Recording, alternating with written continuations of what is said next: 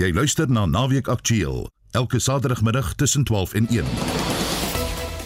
En ons program vanmiddag Kop 27 word met een dag verleng.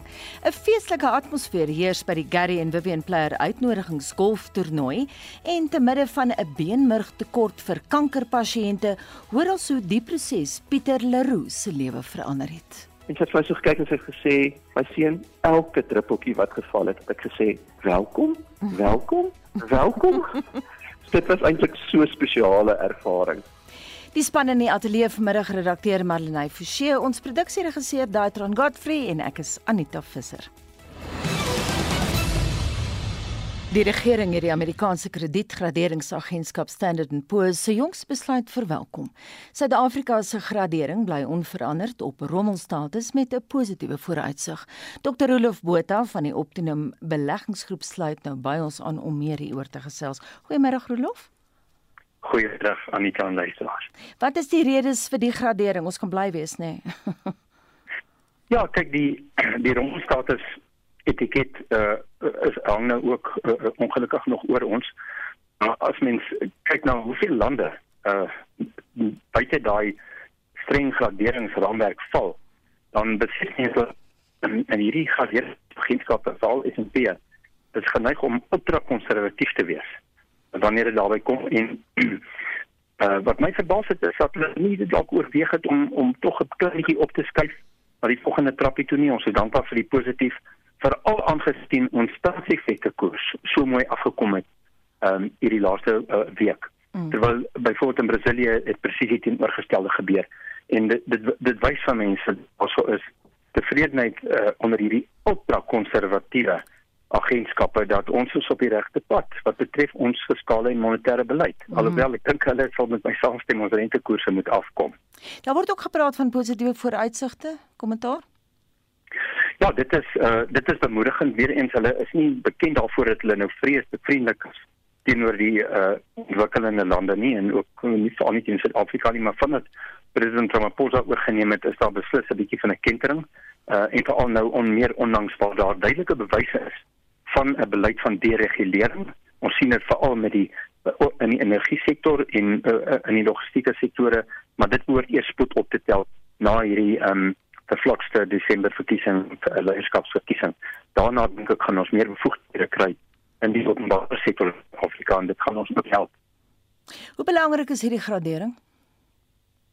Wel, uh, ja, van sakheid is daar fondse reg oor die wêreld uh wat na hierdie uh graderingsagentskappe luister en hulle sal beslis nou net so 'n vinnige oogie gooi oor Suid-Afrika se opbrengskoers op ons staatseffekte wat hierso baie naby 10% is, baie 'n bietjie hoër, 'n bietjie minder op die oomblik dink ek glo ek en um, dit is 'n fantastiese opbrengs as mens dit vergelyk met van die opbrengskoerse op staatseffekte van ander lande en uh, lande veral in, in Oos-Europa of uh, hoe, hoe meer hoe nader jy aan Rusland te wees ek dink die mense sal graag sommer nou in daai staatseffekte wil belê nie want waar gaan die uh, gek van 'n Putin nou uiteindelik uh, ophou Mm -hmm. uh, Suid-Afrika voel nou ewe skielik relatief veilig. en dan uh, daardie baie sterk mening van die ekonom Dr. Rolof Botha aan huis van die Optimum Beleggingsgroep. Ons waarsku sensitiewe luisteraars dat die volgende bydrae ontstellend mag wees. Dis nou reeds 'n maand sedert 'n lesbiese vrou wreed in Kimberley vermoor is. Boonop is niemand nog in hegtenis geneem nie. Die 34-jarige Tankiso Tawanyane is in Oktober in 'n vermeende haatmisdaad verkrag en vermoor. Die man het parafin oor Tawanyane gegooi en haar aan die brand gesteek. Reginald Witboy het meer. Die saak het die gemeenskap en die Tawanyane familie geskok. Tankiso is een van vele beweerde slagoffers van haatmisdaad. Haar oom Tsenolo Magonare sê die manier waarop sy vermoor is, is pynlik en dat daar beslis 'n motief was. Ek kan sommer sien dat hy was hier roof of wat nie. Daar was 'n motief vir die moord om te gebeur. So en die familie het baie gesuffer oor die moord. Magonare het die volgende boodskap aan die vermeende oortreders. Ek wil sê dat men menna as dit manne is hulle moet iets steek, hulle moet die family face of hulle moet die investigating officer face om te sê ons het die ding gedoen. Verder van daar af dan moet hulle tronk toe gaan. 'n LGBTQIA+ organisasie, die Gail in Kimberley is ook oortuig dat die 'n haatmisdaad was. I still believe so because you know a place like Kimberley in as much as we talk queer struggles and stuff it's not something that's really people have accepted. You know there has been a lot of hate crimes happening indoors. It's just unfortunate that this one happened to this extent where the, the person brutally lost their lives. Die woordvoerder van die Noord-Kaapse Polisie, Luitenant-kolonel Sergio Kok, sê niemand is sover in hegtenis geneem nie. The SAPS is offering 50,000 Rand reward to anyone who can avail information that can lead to the arrest and conviction of the perpetrators involved. The Khalashue Family Violence, Child Protection and Sexual Offences Unit are investigating the murder and rape of the 34 year old female who was allegedly raped and set alight with paraffin. Die familie sê hulle vestig nou hulle hoop in die regstelsel en hoop dat die oortreders teen die volle mag van die reg te staan kom. Ek is Reginald Witboy vir SAK nuus in Kimberley.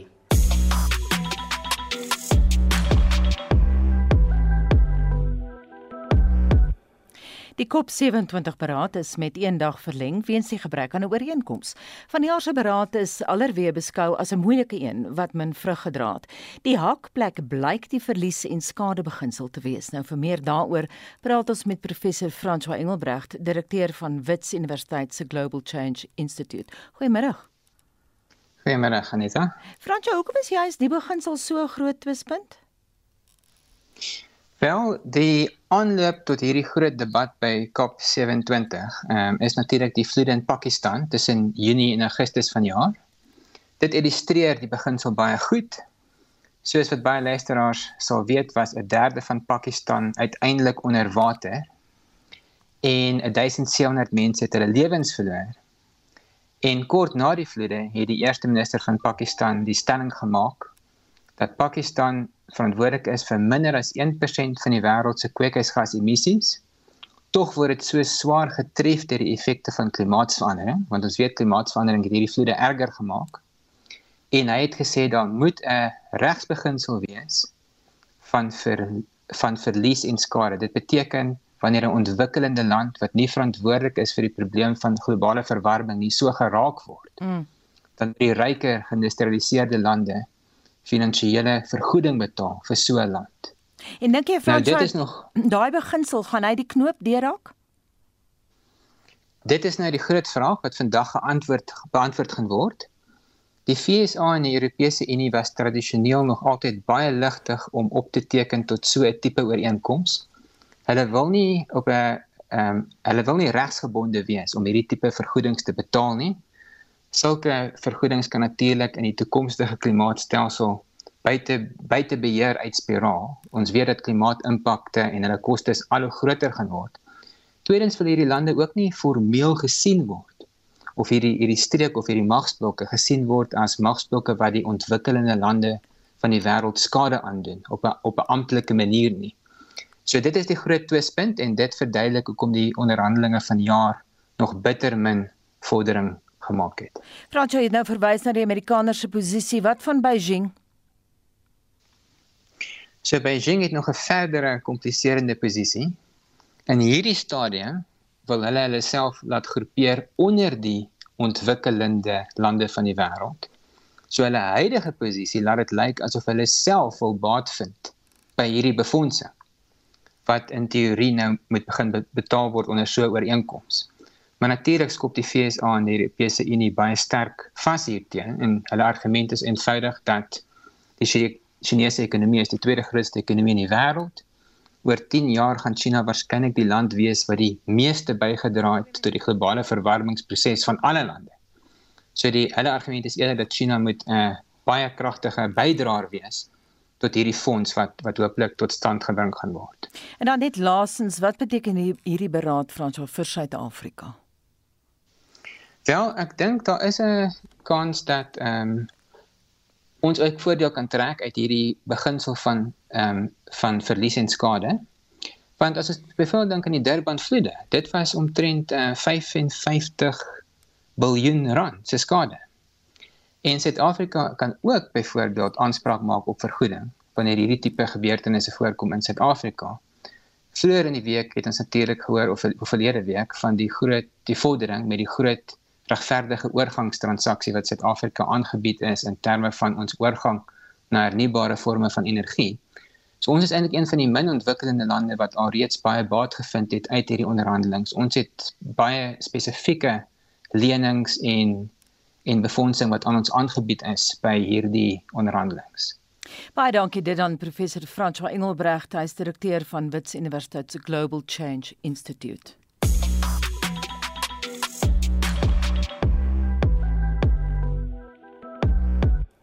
Welkom by Naweek Aktueel. My naam is Anita Visser en dis nou byna kwart oor 12. Die afgelope week het die wêreldbevolking 8 miljard bereik met die geboorte van 'n Filippynse baba, Winichi Mabatsag, in Manila se Josefabea Hospitaal. 'n Maatskaplike statistikus, Neil Roo van Statistiek Suid-Afrika, het die gebeurtenis binne konteks geplaas.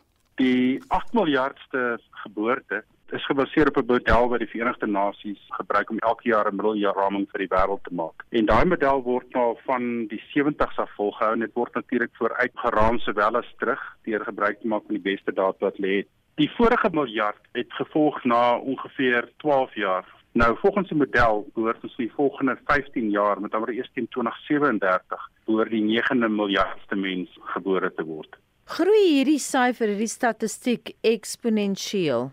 Die groei is mens na die hele model kyk, het eintlik redelik interessant verloop. Die eerste bruk tot ongeveer 1927 was baie baie stadig, het amper geen groei plaasgevind nie. En eksponensiële groei het werklik eers begin plaasvind van 1960 af, wanneer die sogenaamde wetenskaplike ontploffing begin plaasvind ter beter voeding en beter mediese wetenskap en dis meer. En dit was amper eksponensieel waarskynlik tot ongeveer nou toe teen ongeveer 1% 'n jaar, maar van hier af gaan die um, groei baie baie laer begin word. Om die waarheid te sê, na 2037, wanneer die bevolking 9 miljard gaan bereik, gaan dit ongeveer 21 jaar neem voor hulle sê dit gaan 10 miljard bereik en dan gaan van daar af gaan dit baie baie stadiger begin word. Dis natuurlik as daar nie enige ander goeders voorval nie. Hoekom word daar 'n stadiger groei voorspel? Dit is 'n baie goeie vraag. Ek dink om dit te verstaan, moet net verstaan waar die huidige groei vandaan kom. Groei op hierdie stadium hang alles af van twee dinge. Die eerste plek is dit beter voeding, beter mediese dienste. Mense lewensverwagting het gestyg reg oor die wêreld. Selfs die staat met die swakste lewensverwagting het lewensverwagting wat al reeds in die 60's is. En die ander ding is dat fertiliteit in sekere van die lande redelik hoog gebly gevolg van die demografiese transisie.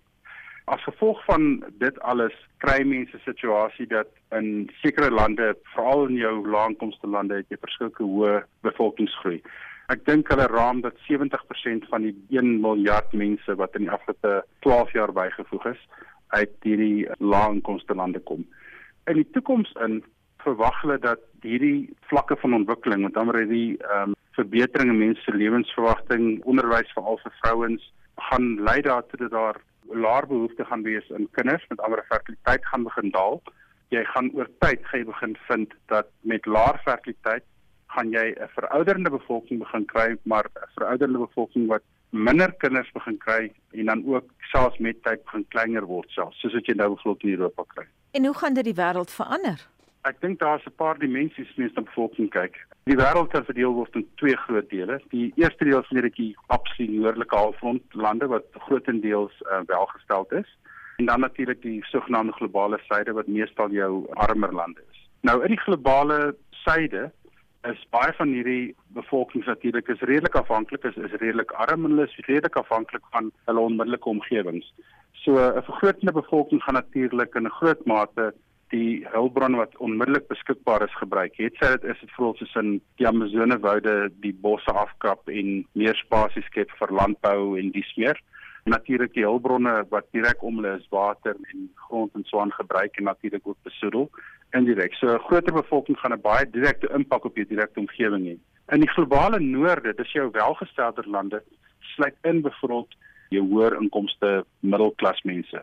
Dis 'n baie soortgelyke dinamiek wat gebeur dat daai mense veral die globale noorde maar onthou ook net hoër middelklas mense in Suid-Afrika en Afrika en ander lande gebruik nie hulpbronne wat direk uit hulle omgewing kom nie. Hulle is baie keer afhanklik van hulpbronne wat van elders af kom. Die elektrisiteit wat ons gebruik word elders opgewek. Die kos wat ons vervaardig word elders byvoorbeeld in Suidoos-Asië gemaak en dit word ingevoer. Wat dit natuurlik te belei is dat dit skep 'n onvolhoubare patroon van produksie en verbruik soos wat die Verenigde Nasies sê en natuurlik dra by tot klimaatsverandering en dis meer. So dit is amper twee verskillende skale, twee verskillende prosesse, maar wat uiteindelik die wêreld op 'n groot manier gaan raak. Wat is belangrik vir jou wat mense moet weet? Wat luisteraars moet weet? Wel, ek dink die eerste ding voor mense praat oor die impak is dat baie mense sal wonder weet ons het nou 8 miljard mense bereik. Is daar 'n absolute bevolkingsontploffing? En ek dink die eerste ding wat belangrik is om te weet is dat in die 1970s toe ons ongeveer 4 miljard mense bereik het, was daar baie boeke gewees oor 'n population explosion en daar was baie gepraat oor multisy teorie en mense wat gaan uitsterf en dis 'n absolute bevolkingsontploffing en dan beperking wees van bevolkings en dis meer. En tog het ons daarna 'n wetenskaplike revolusie gehad wat gelei daartoe dat hierdie bevolking wat weliswaar vinnig gegroei het op daai stadium se lewenskwaliteit inkrementeel hand oor hand gegroei het in die dekades wat daarna gevolg het en mense se lewensverwagting en mense se lewenstyl het baie verbeter reg oor die wêreld selfs in die armste lande. En ek dink die belangrikste ding om te sien gesien in daai lig is dat die 8 miljard mense wat ons vandag het gaan in sigself dink ek kan mens al reeds sien in 'n groot mate kan wetenskap help al reeds baie om baie van daai behoeftes aan te spreek. En die belangrikste ding van alles is dat mense se behoefte aan beter onderwys, mense se behoefte aan beter lewenskwaliteit aangespreek word. Want weer eens soos die Verenigde Nasies sê en ook soos verskillende ander globale planne sê, die enigste manier om hierdie groei onderhoubaar te maak in die toekoms in is om veral vrouens die keuse te gee van of hulle kinders wil hê, hoeveel kinders wil hulle hê en ook vir mense 'n beter lewenstyl te kan gee ons moet aanvaar daar is nie 'n bevolkingsontploffing nie. Indien enigiets is ons oor die idee van 'n bevolkingsontploffing. Die bevolking op hierdie stadium word weliswaar nie kleiner nie, maar ons is in die vroeë fases van 'n bevolking wat begin stabiliseer en oor waarskynlik nie baie dekades van na af die gaan begin kleiner word. Daar is twee dimensies van bevolkingsgroei. Die eerste dimensie is 'n geografiese dimensie. Die meeste van die groei vind plaas in jou armer lande, jou globale suide so te spreek. En dit is natuurlik individue wat baie geraak gaan word deur die gevolge van klimaatsverandering, deur droogtes en natuurlik die teenoorgestelde baie reën en vloede en dis meer. En mense natuurlik ook gaan streef daarna om hulle sosio-ekonomiese hulle eie situasie en lot te verbeter. En dit gaan waarskynlik lei tot baie groter druk om te migreer. Na natuurlik die globale noorde waar daar veel meer werksgeleenthede en so aangesien word. Het sy as 'n direkte effek van hierdie omgewingsimpak of het sy net natuurlik as aspirasie om hulle lewens te verbeter. En dan die tweede effek is natuurlik veroudering. Jou bevolking gaan natuurlik begin verouder want soos wat vrouens minder kinders begin hê en soos wat mense se lewensverwagting groei, gaan jy natuurlik net gaan kry dat die bevolking, die bevolking oor 60 jaar ouderdom gaan as proporsie groter begin word. En hulle raai dat teen 2050 of hulle raam eerder dat teen 2050 ongeveer 22%, dis 'n ander 'n vyfde van die wêreld se bevolking oor 60 gaan wees net interessant is alweer die syfer in Suid-Afrika gaan ongeveer 16% wees op ons raam. En so sê Neil Roof van Statistiek Suid-Afrika. En ons bly by die storie. Die VN Statistiek Afdeling toon dat China en Indië die digbevolkste lande is met 36% van die wêreldbevolking wat daar woon. Daar word egter voorspel dat Indië volgende jaar vir China gaan verbysteek. Die projeksie is dat Indië teen 2050 1,6 miljard mense sal huisves in vergelyking met China se 1,3 miljard. Maar wat is die geopolitiese implikasies van 'n groter Indië? By my in die ateljee vandag is uh, die dekaan Geesteswetenskappe by Akademia Professor Pieter Dievenage. Baie dankie dat jy ingekom het Pieter. Ja, Goeiemôre. Goeiemôre Anita. Word Indië Indië al beskou as 'n wêreldmoondheid? Ja, beslis. Kyk, uh, Indië het die 6ste grootste ekonomie uh, op aarde, nê, en die voorspellings is dat hulle die 50 vyfste grootte gaan uh, grootste gaan word. Um, hulle gaan die Verenigde Koninkryke verbyvat binne maande. Nou net daai syfer sê vir jou dat Indië beslis 'n moondheid is. Is beslis een van die sterkste ekonomiese lande en uh, nou dat jy ook verwys het na die bevolkingsgroei en die interessante geopolitiese kwessie van China wat minder bevolking gaan hê. Ons weet eh, China is saam met Amerika die sterkste ekonomie. Dink ek uh, mens moet al hoe meer na Indië begin kyk. Dink jy Pieter 'n groter bevolking beteken noodwendig meer geopolitiese mag? Nie noodwendig nie, maar wat vir my interessant is by beide Indië en China is dat dit is ou beskawings. Nou die probleem in Indië is natuurlik die stande ehm um, opset in wat wat Indië bietjie terughou. As hulle 'n uh, oplossing kan kry vir hulle stande uh rigiditeit of daai die, die rigiede stelsel daarvan want dit is nog in plek dan kan jy met daai potensiële 1.5 1.6 uh, miljard mense baie ver gaan in die toekoms dit is 'n ou beskawing. Ons weet ook dat Indië ehm um, in binne hulle kultuur. Ek hou altyd daarvan om so soort van in binne die gees van 'n kultuur in te gaan, uh, om daarna te kyk die mentaliteit van 'n kultuur. En die Indiërs is byvoorbeeld baie sterk met wiskunde. Ek weet nie presies mm -hmm. of dit met hulle taal of hulle religieuse agtergrond is nie, maar as jy sterk is in wiskunde, ehm um, jy weet die tegniese wêreld word maar aangedryf ook deur 'n goeie kennis van uh, wiskunde. Ek wou net sê alles goed op informasietegnologie. Korrek. Nou dis ook wel bekend dat Indië en China, ons praat nou histories ook nie langs dieselfde vuur sit nie. Sou Indië, dink jy Pieter, as teenvoeter kon dien vir Chinese aggressie in byvoorbeeld Suidoos-Asië? Ek dink so want die interessante is dat ehm um, as Indië sterker word geopolities, gaan dit China se opkoms tot 'n mate versag. En ons weet dat die Indiese opkoms um, is tot 'n groot mate daar's aggressie aan verbonde. Uh China het groot groot planne in die Verre Ooste. En ek dink 'n sterk Indië gaan die magsbalans en die geopolitiek die geopolitiese uh, omgewing in die ooste beslis beïnvloed. Waar sal dit Pakistan plaas? Dit is natuurlik die moeilike een want uh, ons weet Indië en Pakistan het 'n baie gespanne verhouding. Uh, Daar self kern uh, vermoëns aan beide kante. En uh, mens hoop maar net na daardie kant toe sal dit goed gaan. Baie dankie dit dan die dekaan Geesteswetenskappe by Akademia professor Pieter Duvenage.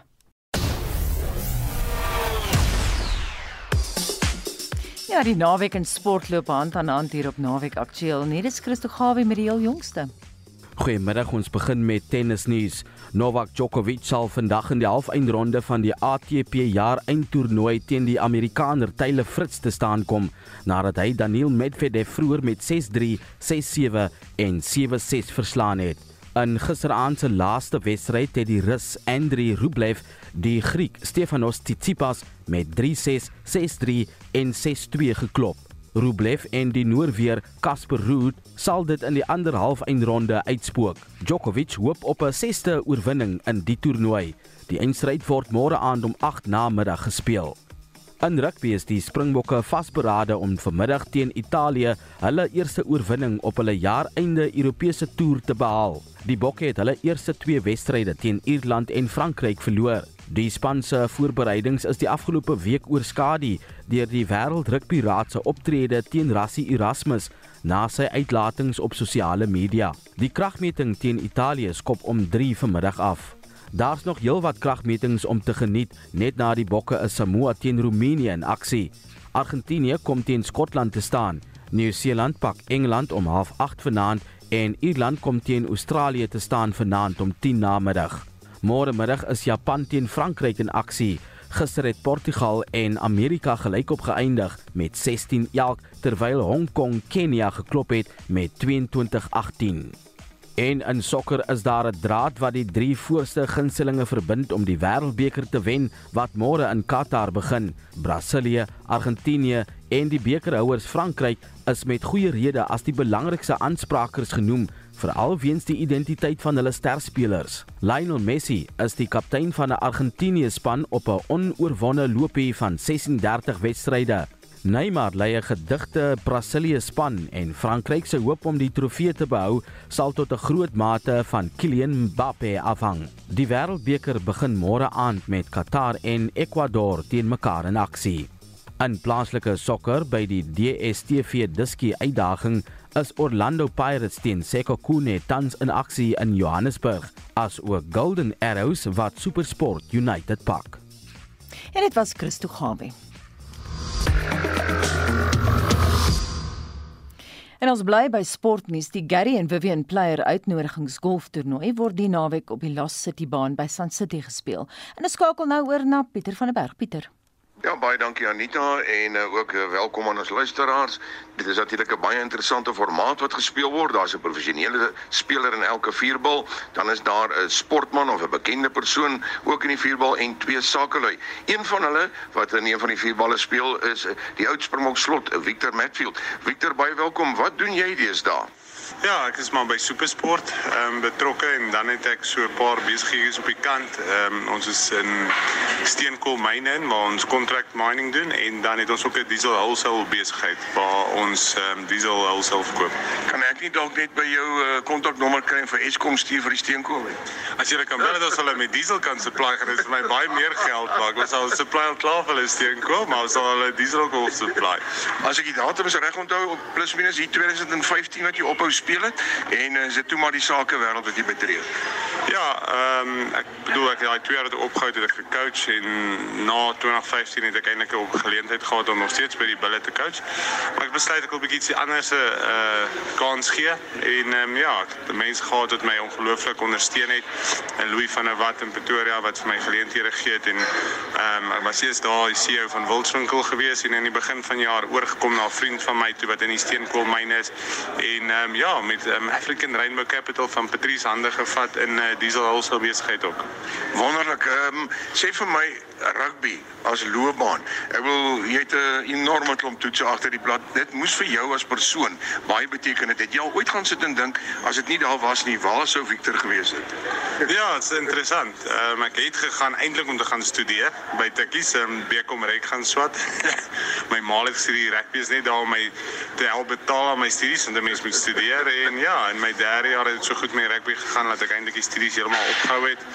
En um, ja, soos mense dit nie gedoen het nie, dalk in daai rigting gegaan, bietjie boeke gedoen en hooplik ook eers as 'n entrepreneur geëindig.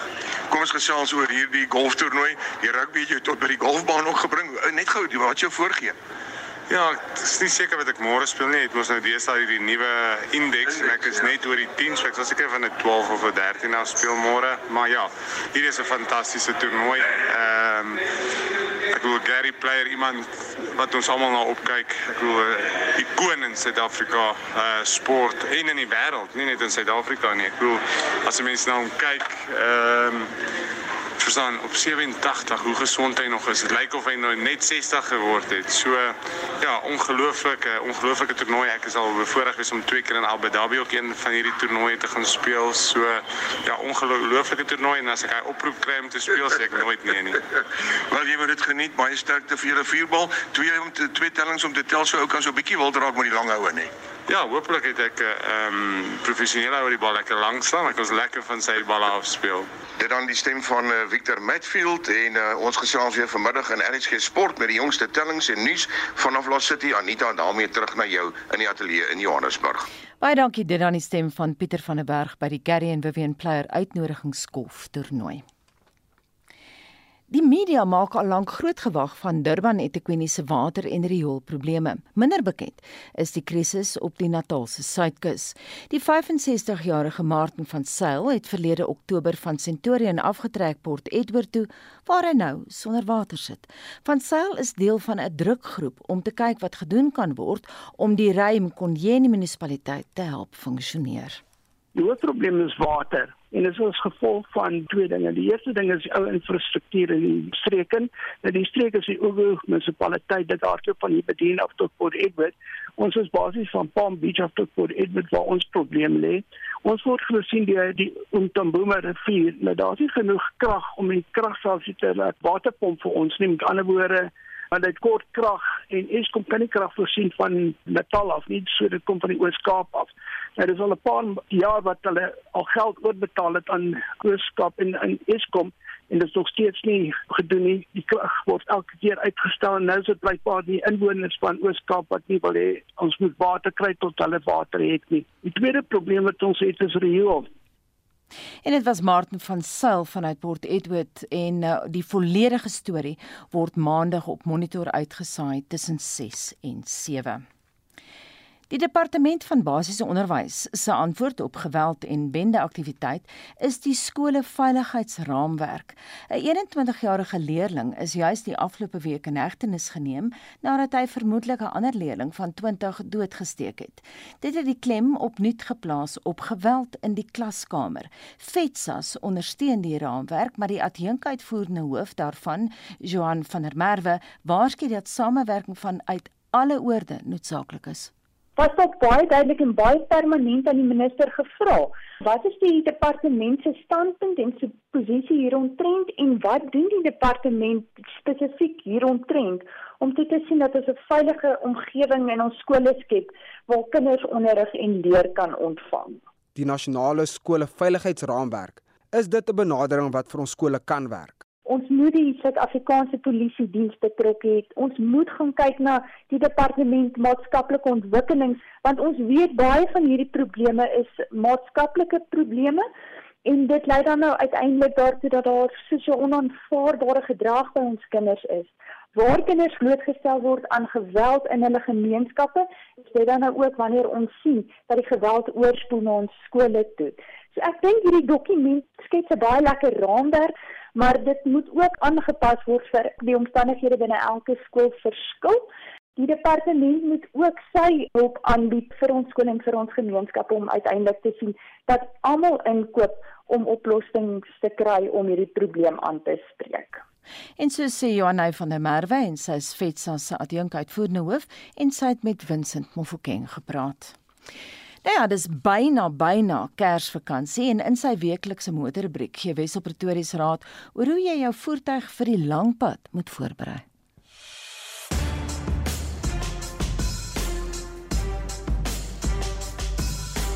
Die wat uitsien na somervakansie ver weg van die huis, gee nou al aan jou voertuig aandag om latere teleurstelling te voorkom.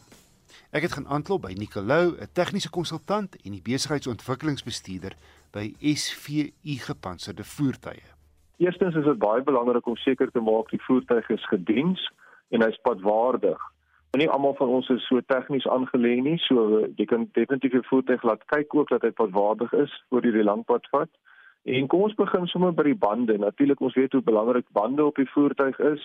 So kyk na die kondisie van die bande, kyk of daar genoeg loopvlak op is, kyk na die banddruk, jy kan ook na die wielsporing kyk en wat baie mense vergeet, daai spaarwiel. Gaan kyk bietjie na daai spaarwiel, is hy op die regte druk? Is die loopvlak nog reg? En dan is die domkrag en die wielsleutel ook in die voertuig. Want ek dit is nou 'n probleem as jy nou met 'n papwiel gaan staan wat jy nie kan ruil nie. Ja. Ehm um, baie belangrik.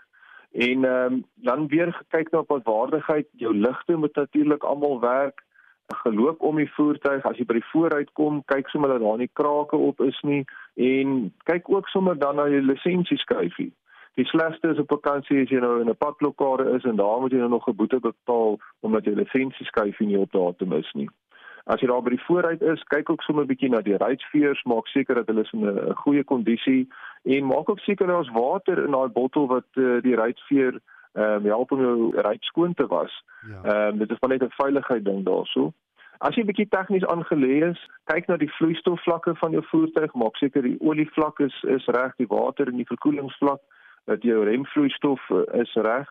Ek is altyd 'n voorstander daarvan as jy op 'n reis gaan, vat vir jou 'n bietjie basiese gereedskap. Nie almal van ons is is mechanics nie, maar maak seker jy het 'n skroewedraaier, jy het 'n tang, jy het miskien 'n 10 en 'n 13 sleutel as jy die battery moet vervang. Weereens is net daai van as jy vinnig iets moet doen en jy het niks om jouself mee te help nie. Dan wil ek ook vir die mense sê, indien jy nou jou voertuig op die langpad wil vat, maar daai voertuig is eintlik een wat jy net gewoonlik in die stad ry. So jy ry kort ritte, jy ry jy laat die kinders by die skool af, jy kom terug. Die enjin is nooit so temperatuur ehm um, hoog nie en jy ry ook nooit hoë snelhede nie. Voor jy op die langpad vat, vat die voertuig gou op die nasionale pad en ry so 10-20 km net om te sien is daar nie vibrasies wat deurkom nie is die enjin se temperatuur korrek terwyl jy ry Ehm um, as al die remme op daai hoë spoed is daar enigiets snaaks by voertuig nie. Maar die laaste ding wat jy wil hê is jy ry nou op die lang pad, jy trek vroeg weg die oggend en kom jy agter o, tog ek het nooit agtergekom my voertuig het hierdie probleem nie want ek het net in die dorp rondgery. Nikkel, kom ons kyk na die voorbereiding van 'n sleepwa of 'n karavaan. Watse raad het jy? Ja, wissel baie van ons het sleepwaens, karavane, bote wat ons nie so gereeld gebruik nie. Hy staan maar daar by die huis onder die afdak of uh, by die plek waar jy hom stoor. En nou is dit tyd vir langpad en jy wil hom gaan optel. So weer eens is baie dieselfde as jou voertuig, maar daar's 'n paar ander punte, so ons hardloop gou hier deur. Weer eens die voertuig moet padwaardig wees, daai lisensie skuif moet reg wees. Die bande is weer eens baie belangrik en behalwe nou net vir die loopvlak en die druk As daai voertuig heel jaar gestaan het, dan daai wiel miskien nie meer rond nie. So maak net seker die ander ding is ook kyk na die rubber self want baie keer vind ons dat die sleepwaens die bande se loopvlak is nog goed, maar omdat hy so hier soveel jare al oud is en miskien 'n bietjie in die son gestaan het, begin daar al sulke krakies in daai rubber wees. So daai bande so lyk like, vir gemoedrus verwissel hulle maar eerder. Onthou 'n band se lewensduur is ongeveer so 5 jaar en dit is as jy hom nou baie goed opgepas het en hy's nie skade weer Ehm um, so maak net seker daai bande is nie al te oud op jou um, sleepbaan nie. Dan natuurlik ons praat altyd van die wiellaars of die bearings en ehm um, ja, dit maak maar seker hulle is gepak veral ook as jy nou 'n boot het wat jy in die water in terugstoot en nou gaan parkeer jy hom weer by die huis. Daai laars hou nie van bietjie water wat daar rond lê heel jaar nie. So vervang maar eerder. Nicolou, 'n tegniese konsultant en die besigheidsontwikkelingsbestuurder by SVU gepantserde voertuie. En nuus in die SVU stal is dat die Nissan Navara nou ook gepantser word wat volle beskerming teen aanvalsgewere bied. Vandag se rubriek is soos elke week sin op RSG se webblad beskikbaar onder naweek aktueel. En so van vakansietyd gepraat, die Vaaldam se water het die Agrabiesvalle in die Noord-Kaap bereik na swaar reënleerslae in die Vrystaat. Die Aride Parke streeksbestuurder, Lucius Moelman, het gistermiddag aan Naweek Aktueel gesê dit beteken dit beteken net een ding, 'n waterskouspel. Daar is baie water op pad Agrabies toe.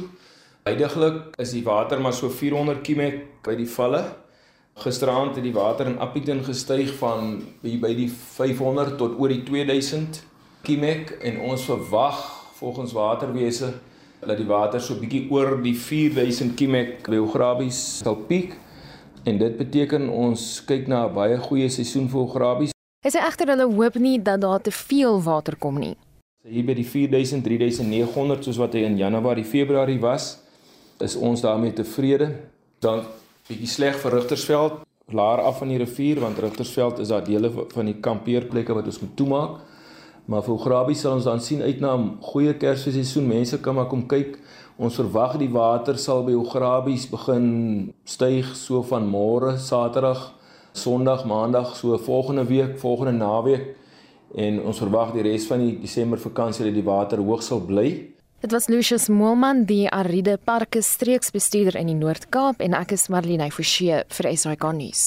Die Suid-Afrikaanse Beenmergregister is op soek na skenkers om in die desperate behoefte van kankerpasiënte te voorsien. Nadia Chokli is hoof van skenkerwerwing by die register en het vroeër aan Naweek Aktueel meer oor die proses verduidelik. Die grootste probleem is dat ons nie genoeg skenkers en nie genoeg diversifisering op ons register het in Suid-Afrika nie. Die goeie nuus is dat ons wel deel vorm van internasionale registers en daardie netwerk wat 40 miljoen skenkers potensiële skenkers beloop. Maar die feit van die saak is dat die menslike leukosiet antigeen wat die proteïene is wat normaalweg op jou witbloedselle kom oorerflik is. En dit is die rede hoekom ons dan soveel as moontlik skenkers van reg oor Suid-Afrika moet kry, wit, swart, gemengde tipering. Dit is regtig belangrik dat ons ons register groei om ons Suid-Afrikaanse pasiënte te kan help. Ek het verstaan skenking is ras spesifiek. Is dit korrek? Dit is korrek. Hierdie leukosiet antigene help om jou immuunstelsel te laat onderskei tref tussen liggaamweefsel en vreemde stowwe wat gevaarlik is vir jou liggaam. En hierdie tiperingseienskap is oorerflik. Wat beteken ons kry dit van ons ma, pa, van hulle generasies. En juist daarom moet ons dan die register so divers moontlik as moontlik maak om soveel verskeie weseltiperings as moontlik te kry.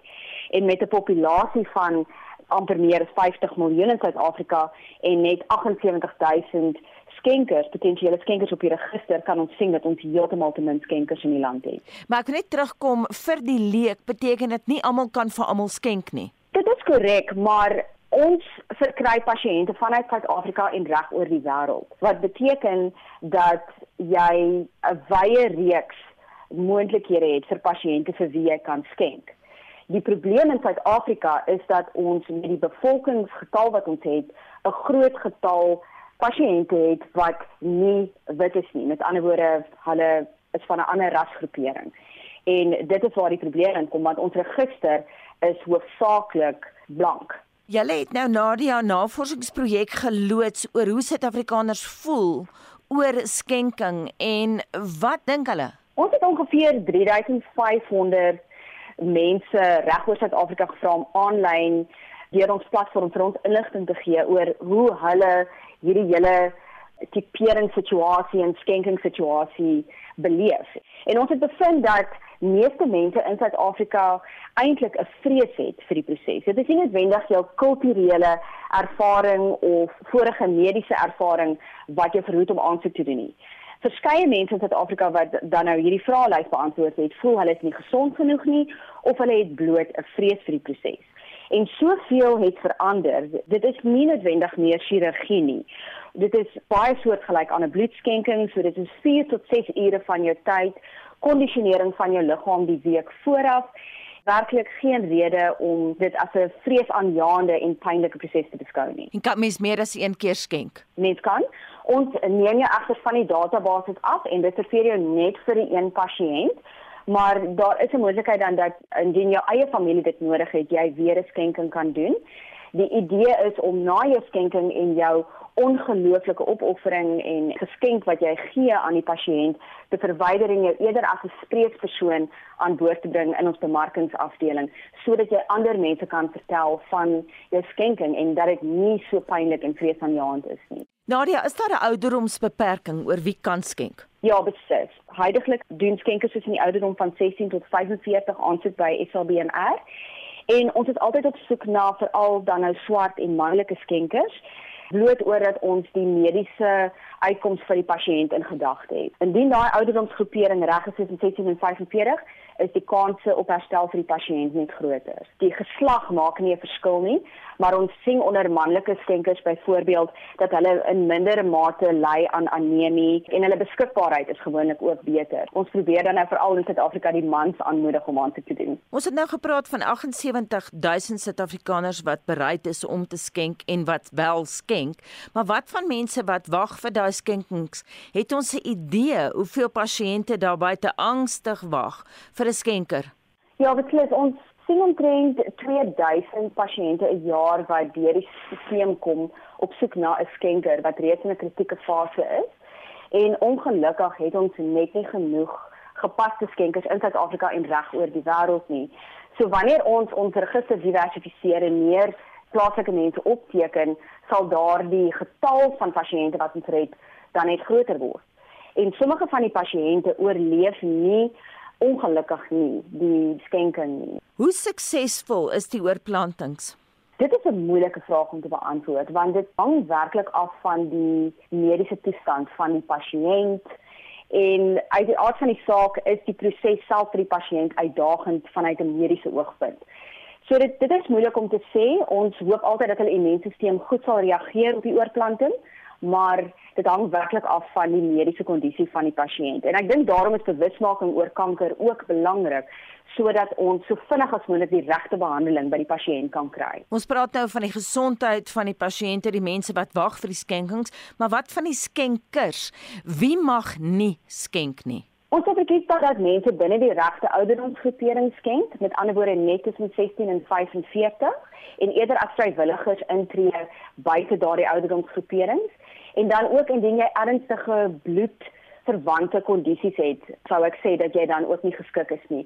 Maar meeste ander kondisies sal deur ons stelsel aanvaar word en indien jy aanlyn aansoek doen, sal die stelsel jou in daardie rigting stuur en vir jou sê of jy geskik is of dan nie. Hoe gaan julle te werk om internasionaal skenkers te soek? Dis seker ook duur. Dit is 'n duur uitgawe, maar gelukkig behoort ons aan die World Marrow Donor Association en deur ons netwerk en verhouding met internasionale registers gee dit ons goeie toegang tot ander opsies, ander moontlike skenkers en uit daardie verhouding met hierdie ander registers kry ons gewoonlik afslag in sekere logistieke terme in terme van reis vir die koerier wat die produk inbring ensovoorts.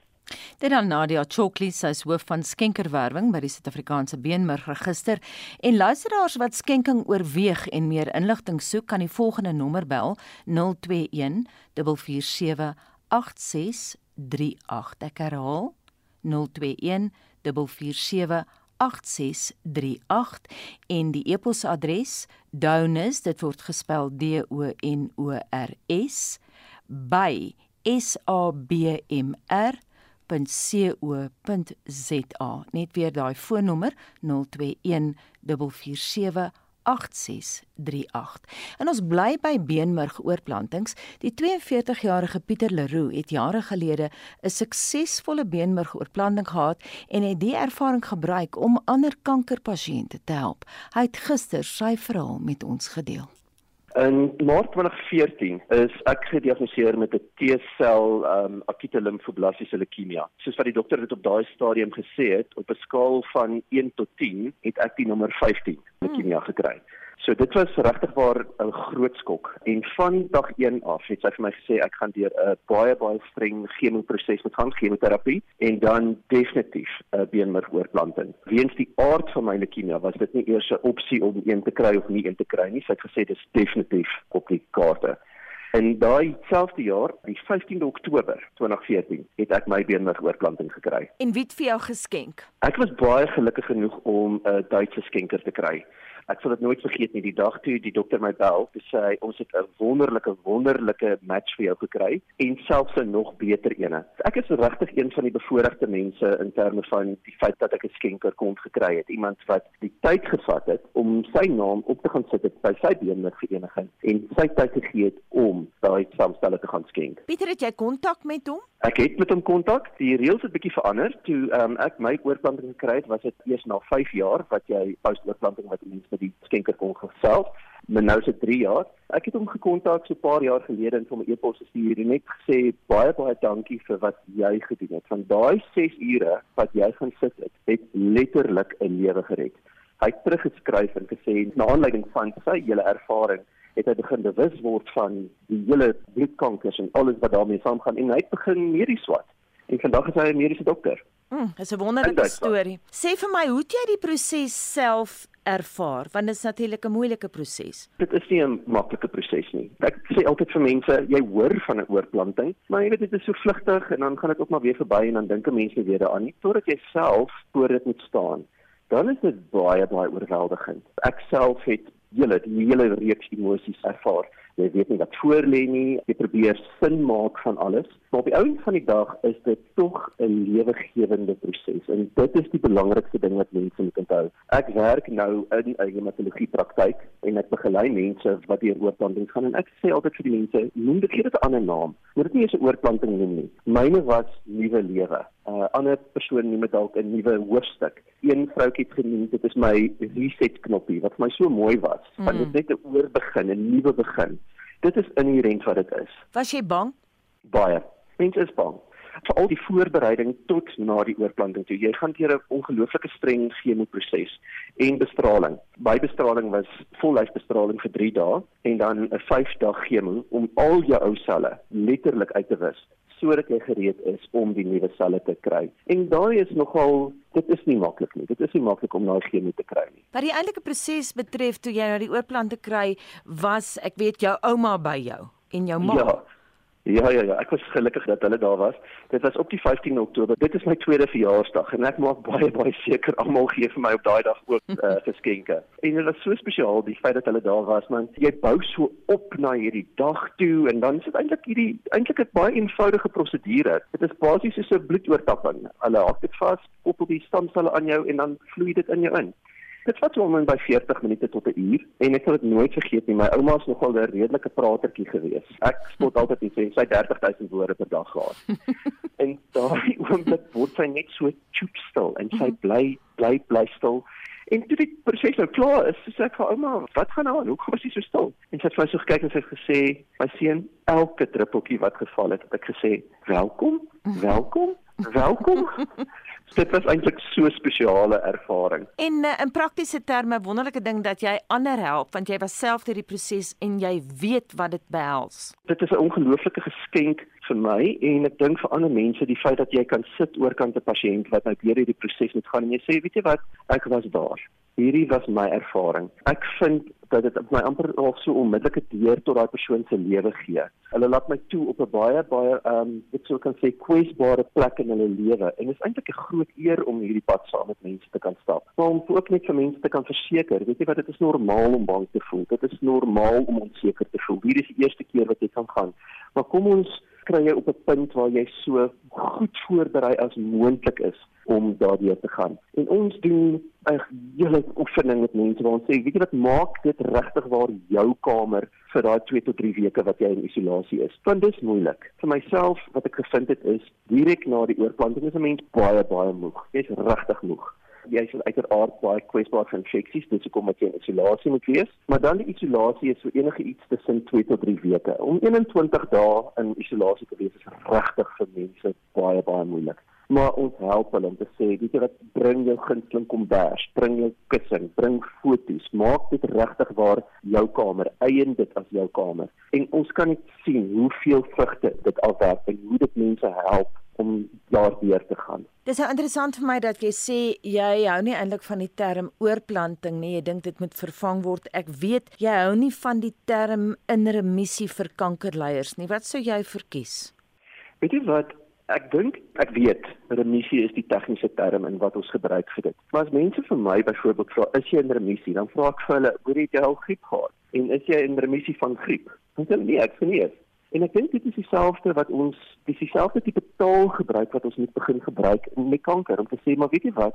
Ons doen hierdie goed. En jy gaan deur hierdie chemo jy gaan deur bestraling jy kry hierdie oorplanting om te genees sodat jy kan aangaan met jou lewe. Ek weet kanker is 'n woord wat mense baie baie bang maak. Dit is hierdie groot ding en daar's baie wanpersepsies oor dit Die mediese wetenskap het ongelooflik ver gevorder. Ons weet watter medikasie maak mense naar en ons gee behandeling voor die tyd sodat jy nie naar word nie. As ons meer daaroor kan begin praat en die wanpersepsies kan afbreek, kan dit vir mense soveel hoop gee. Byvoorbeeld, ek sien remissie nie, ek is genees. 'n Ander ding wat ons in Afrikaans het en ek weet ons sê dit op 'n baie respekvolle manier, um, maar ons sê iemand het sis of so het hulle stryd teen kanker verloor. Ek hou niks daarvan nie. Want weet jy wat? Oomblik as jy gediagnoseer word, begin die stryd al klaar. Die dag wat jy opdaag vir jou chemo, hou jy aan met daai geveg. En mense wat hier kom sit in ons behandelingskamer, elke dag veg hulle. En dit maak jou oorwinnaar. Die feit dat jy opdaag, die feit dat jy hier is, die feit dat jy jou behandeling kry en weer kom en weer kom en weer kom. Ek dink elke persoon wat hierdie veg veg, is klare oorwinnaar. Dit dan Pieter Leroux wat in 2014 'n suksesvolle beenmergoorplanting gehad het danksy 'n skenker in Duitsland. Terwyl die baai oor Charlize Theron se 44 Afrikaanse sprekers voortwoed, het baie al vergeet van Johan Rupert wat sy taal op 'n manier wat seermaak verdedig het. Die herrie voer ons terug na 2005 toe die Britse tydskrif Wallpaper in sy September weergawe van daardie jaar Afrikaans as die lelikste taal ter wêreld beskryf het. Rupert het eenvoudige advertensiegelde ont trek en later ook 'n apologie gekry van die einste tydskrif. En op daardie noot moet ons groet namens ons uitvoerende regisseur Nicoline de Wee. Ons redakteur was Marlenae Forsie en ons produksieregisseur Daitron Godfrey. My naam is Anita Visser.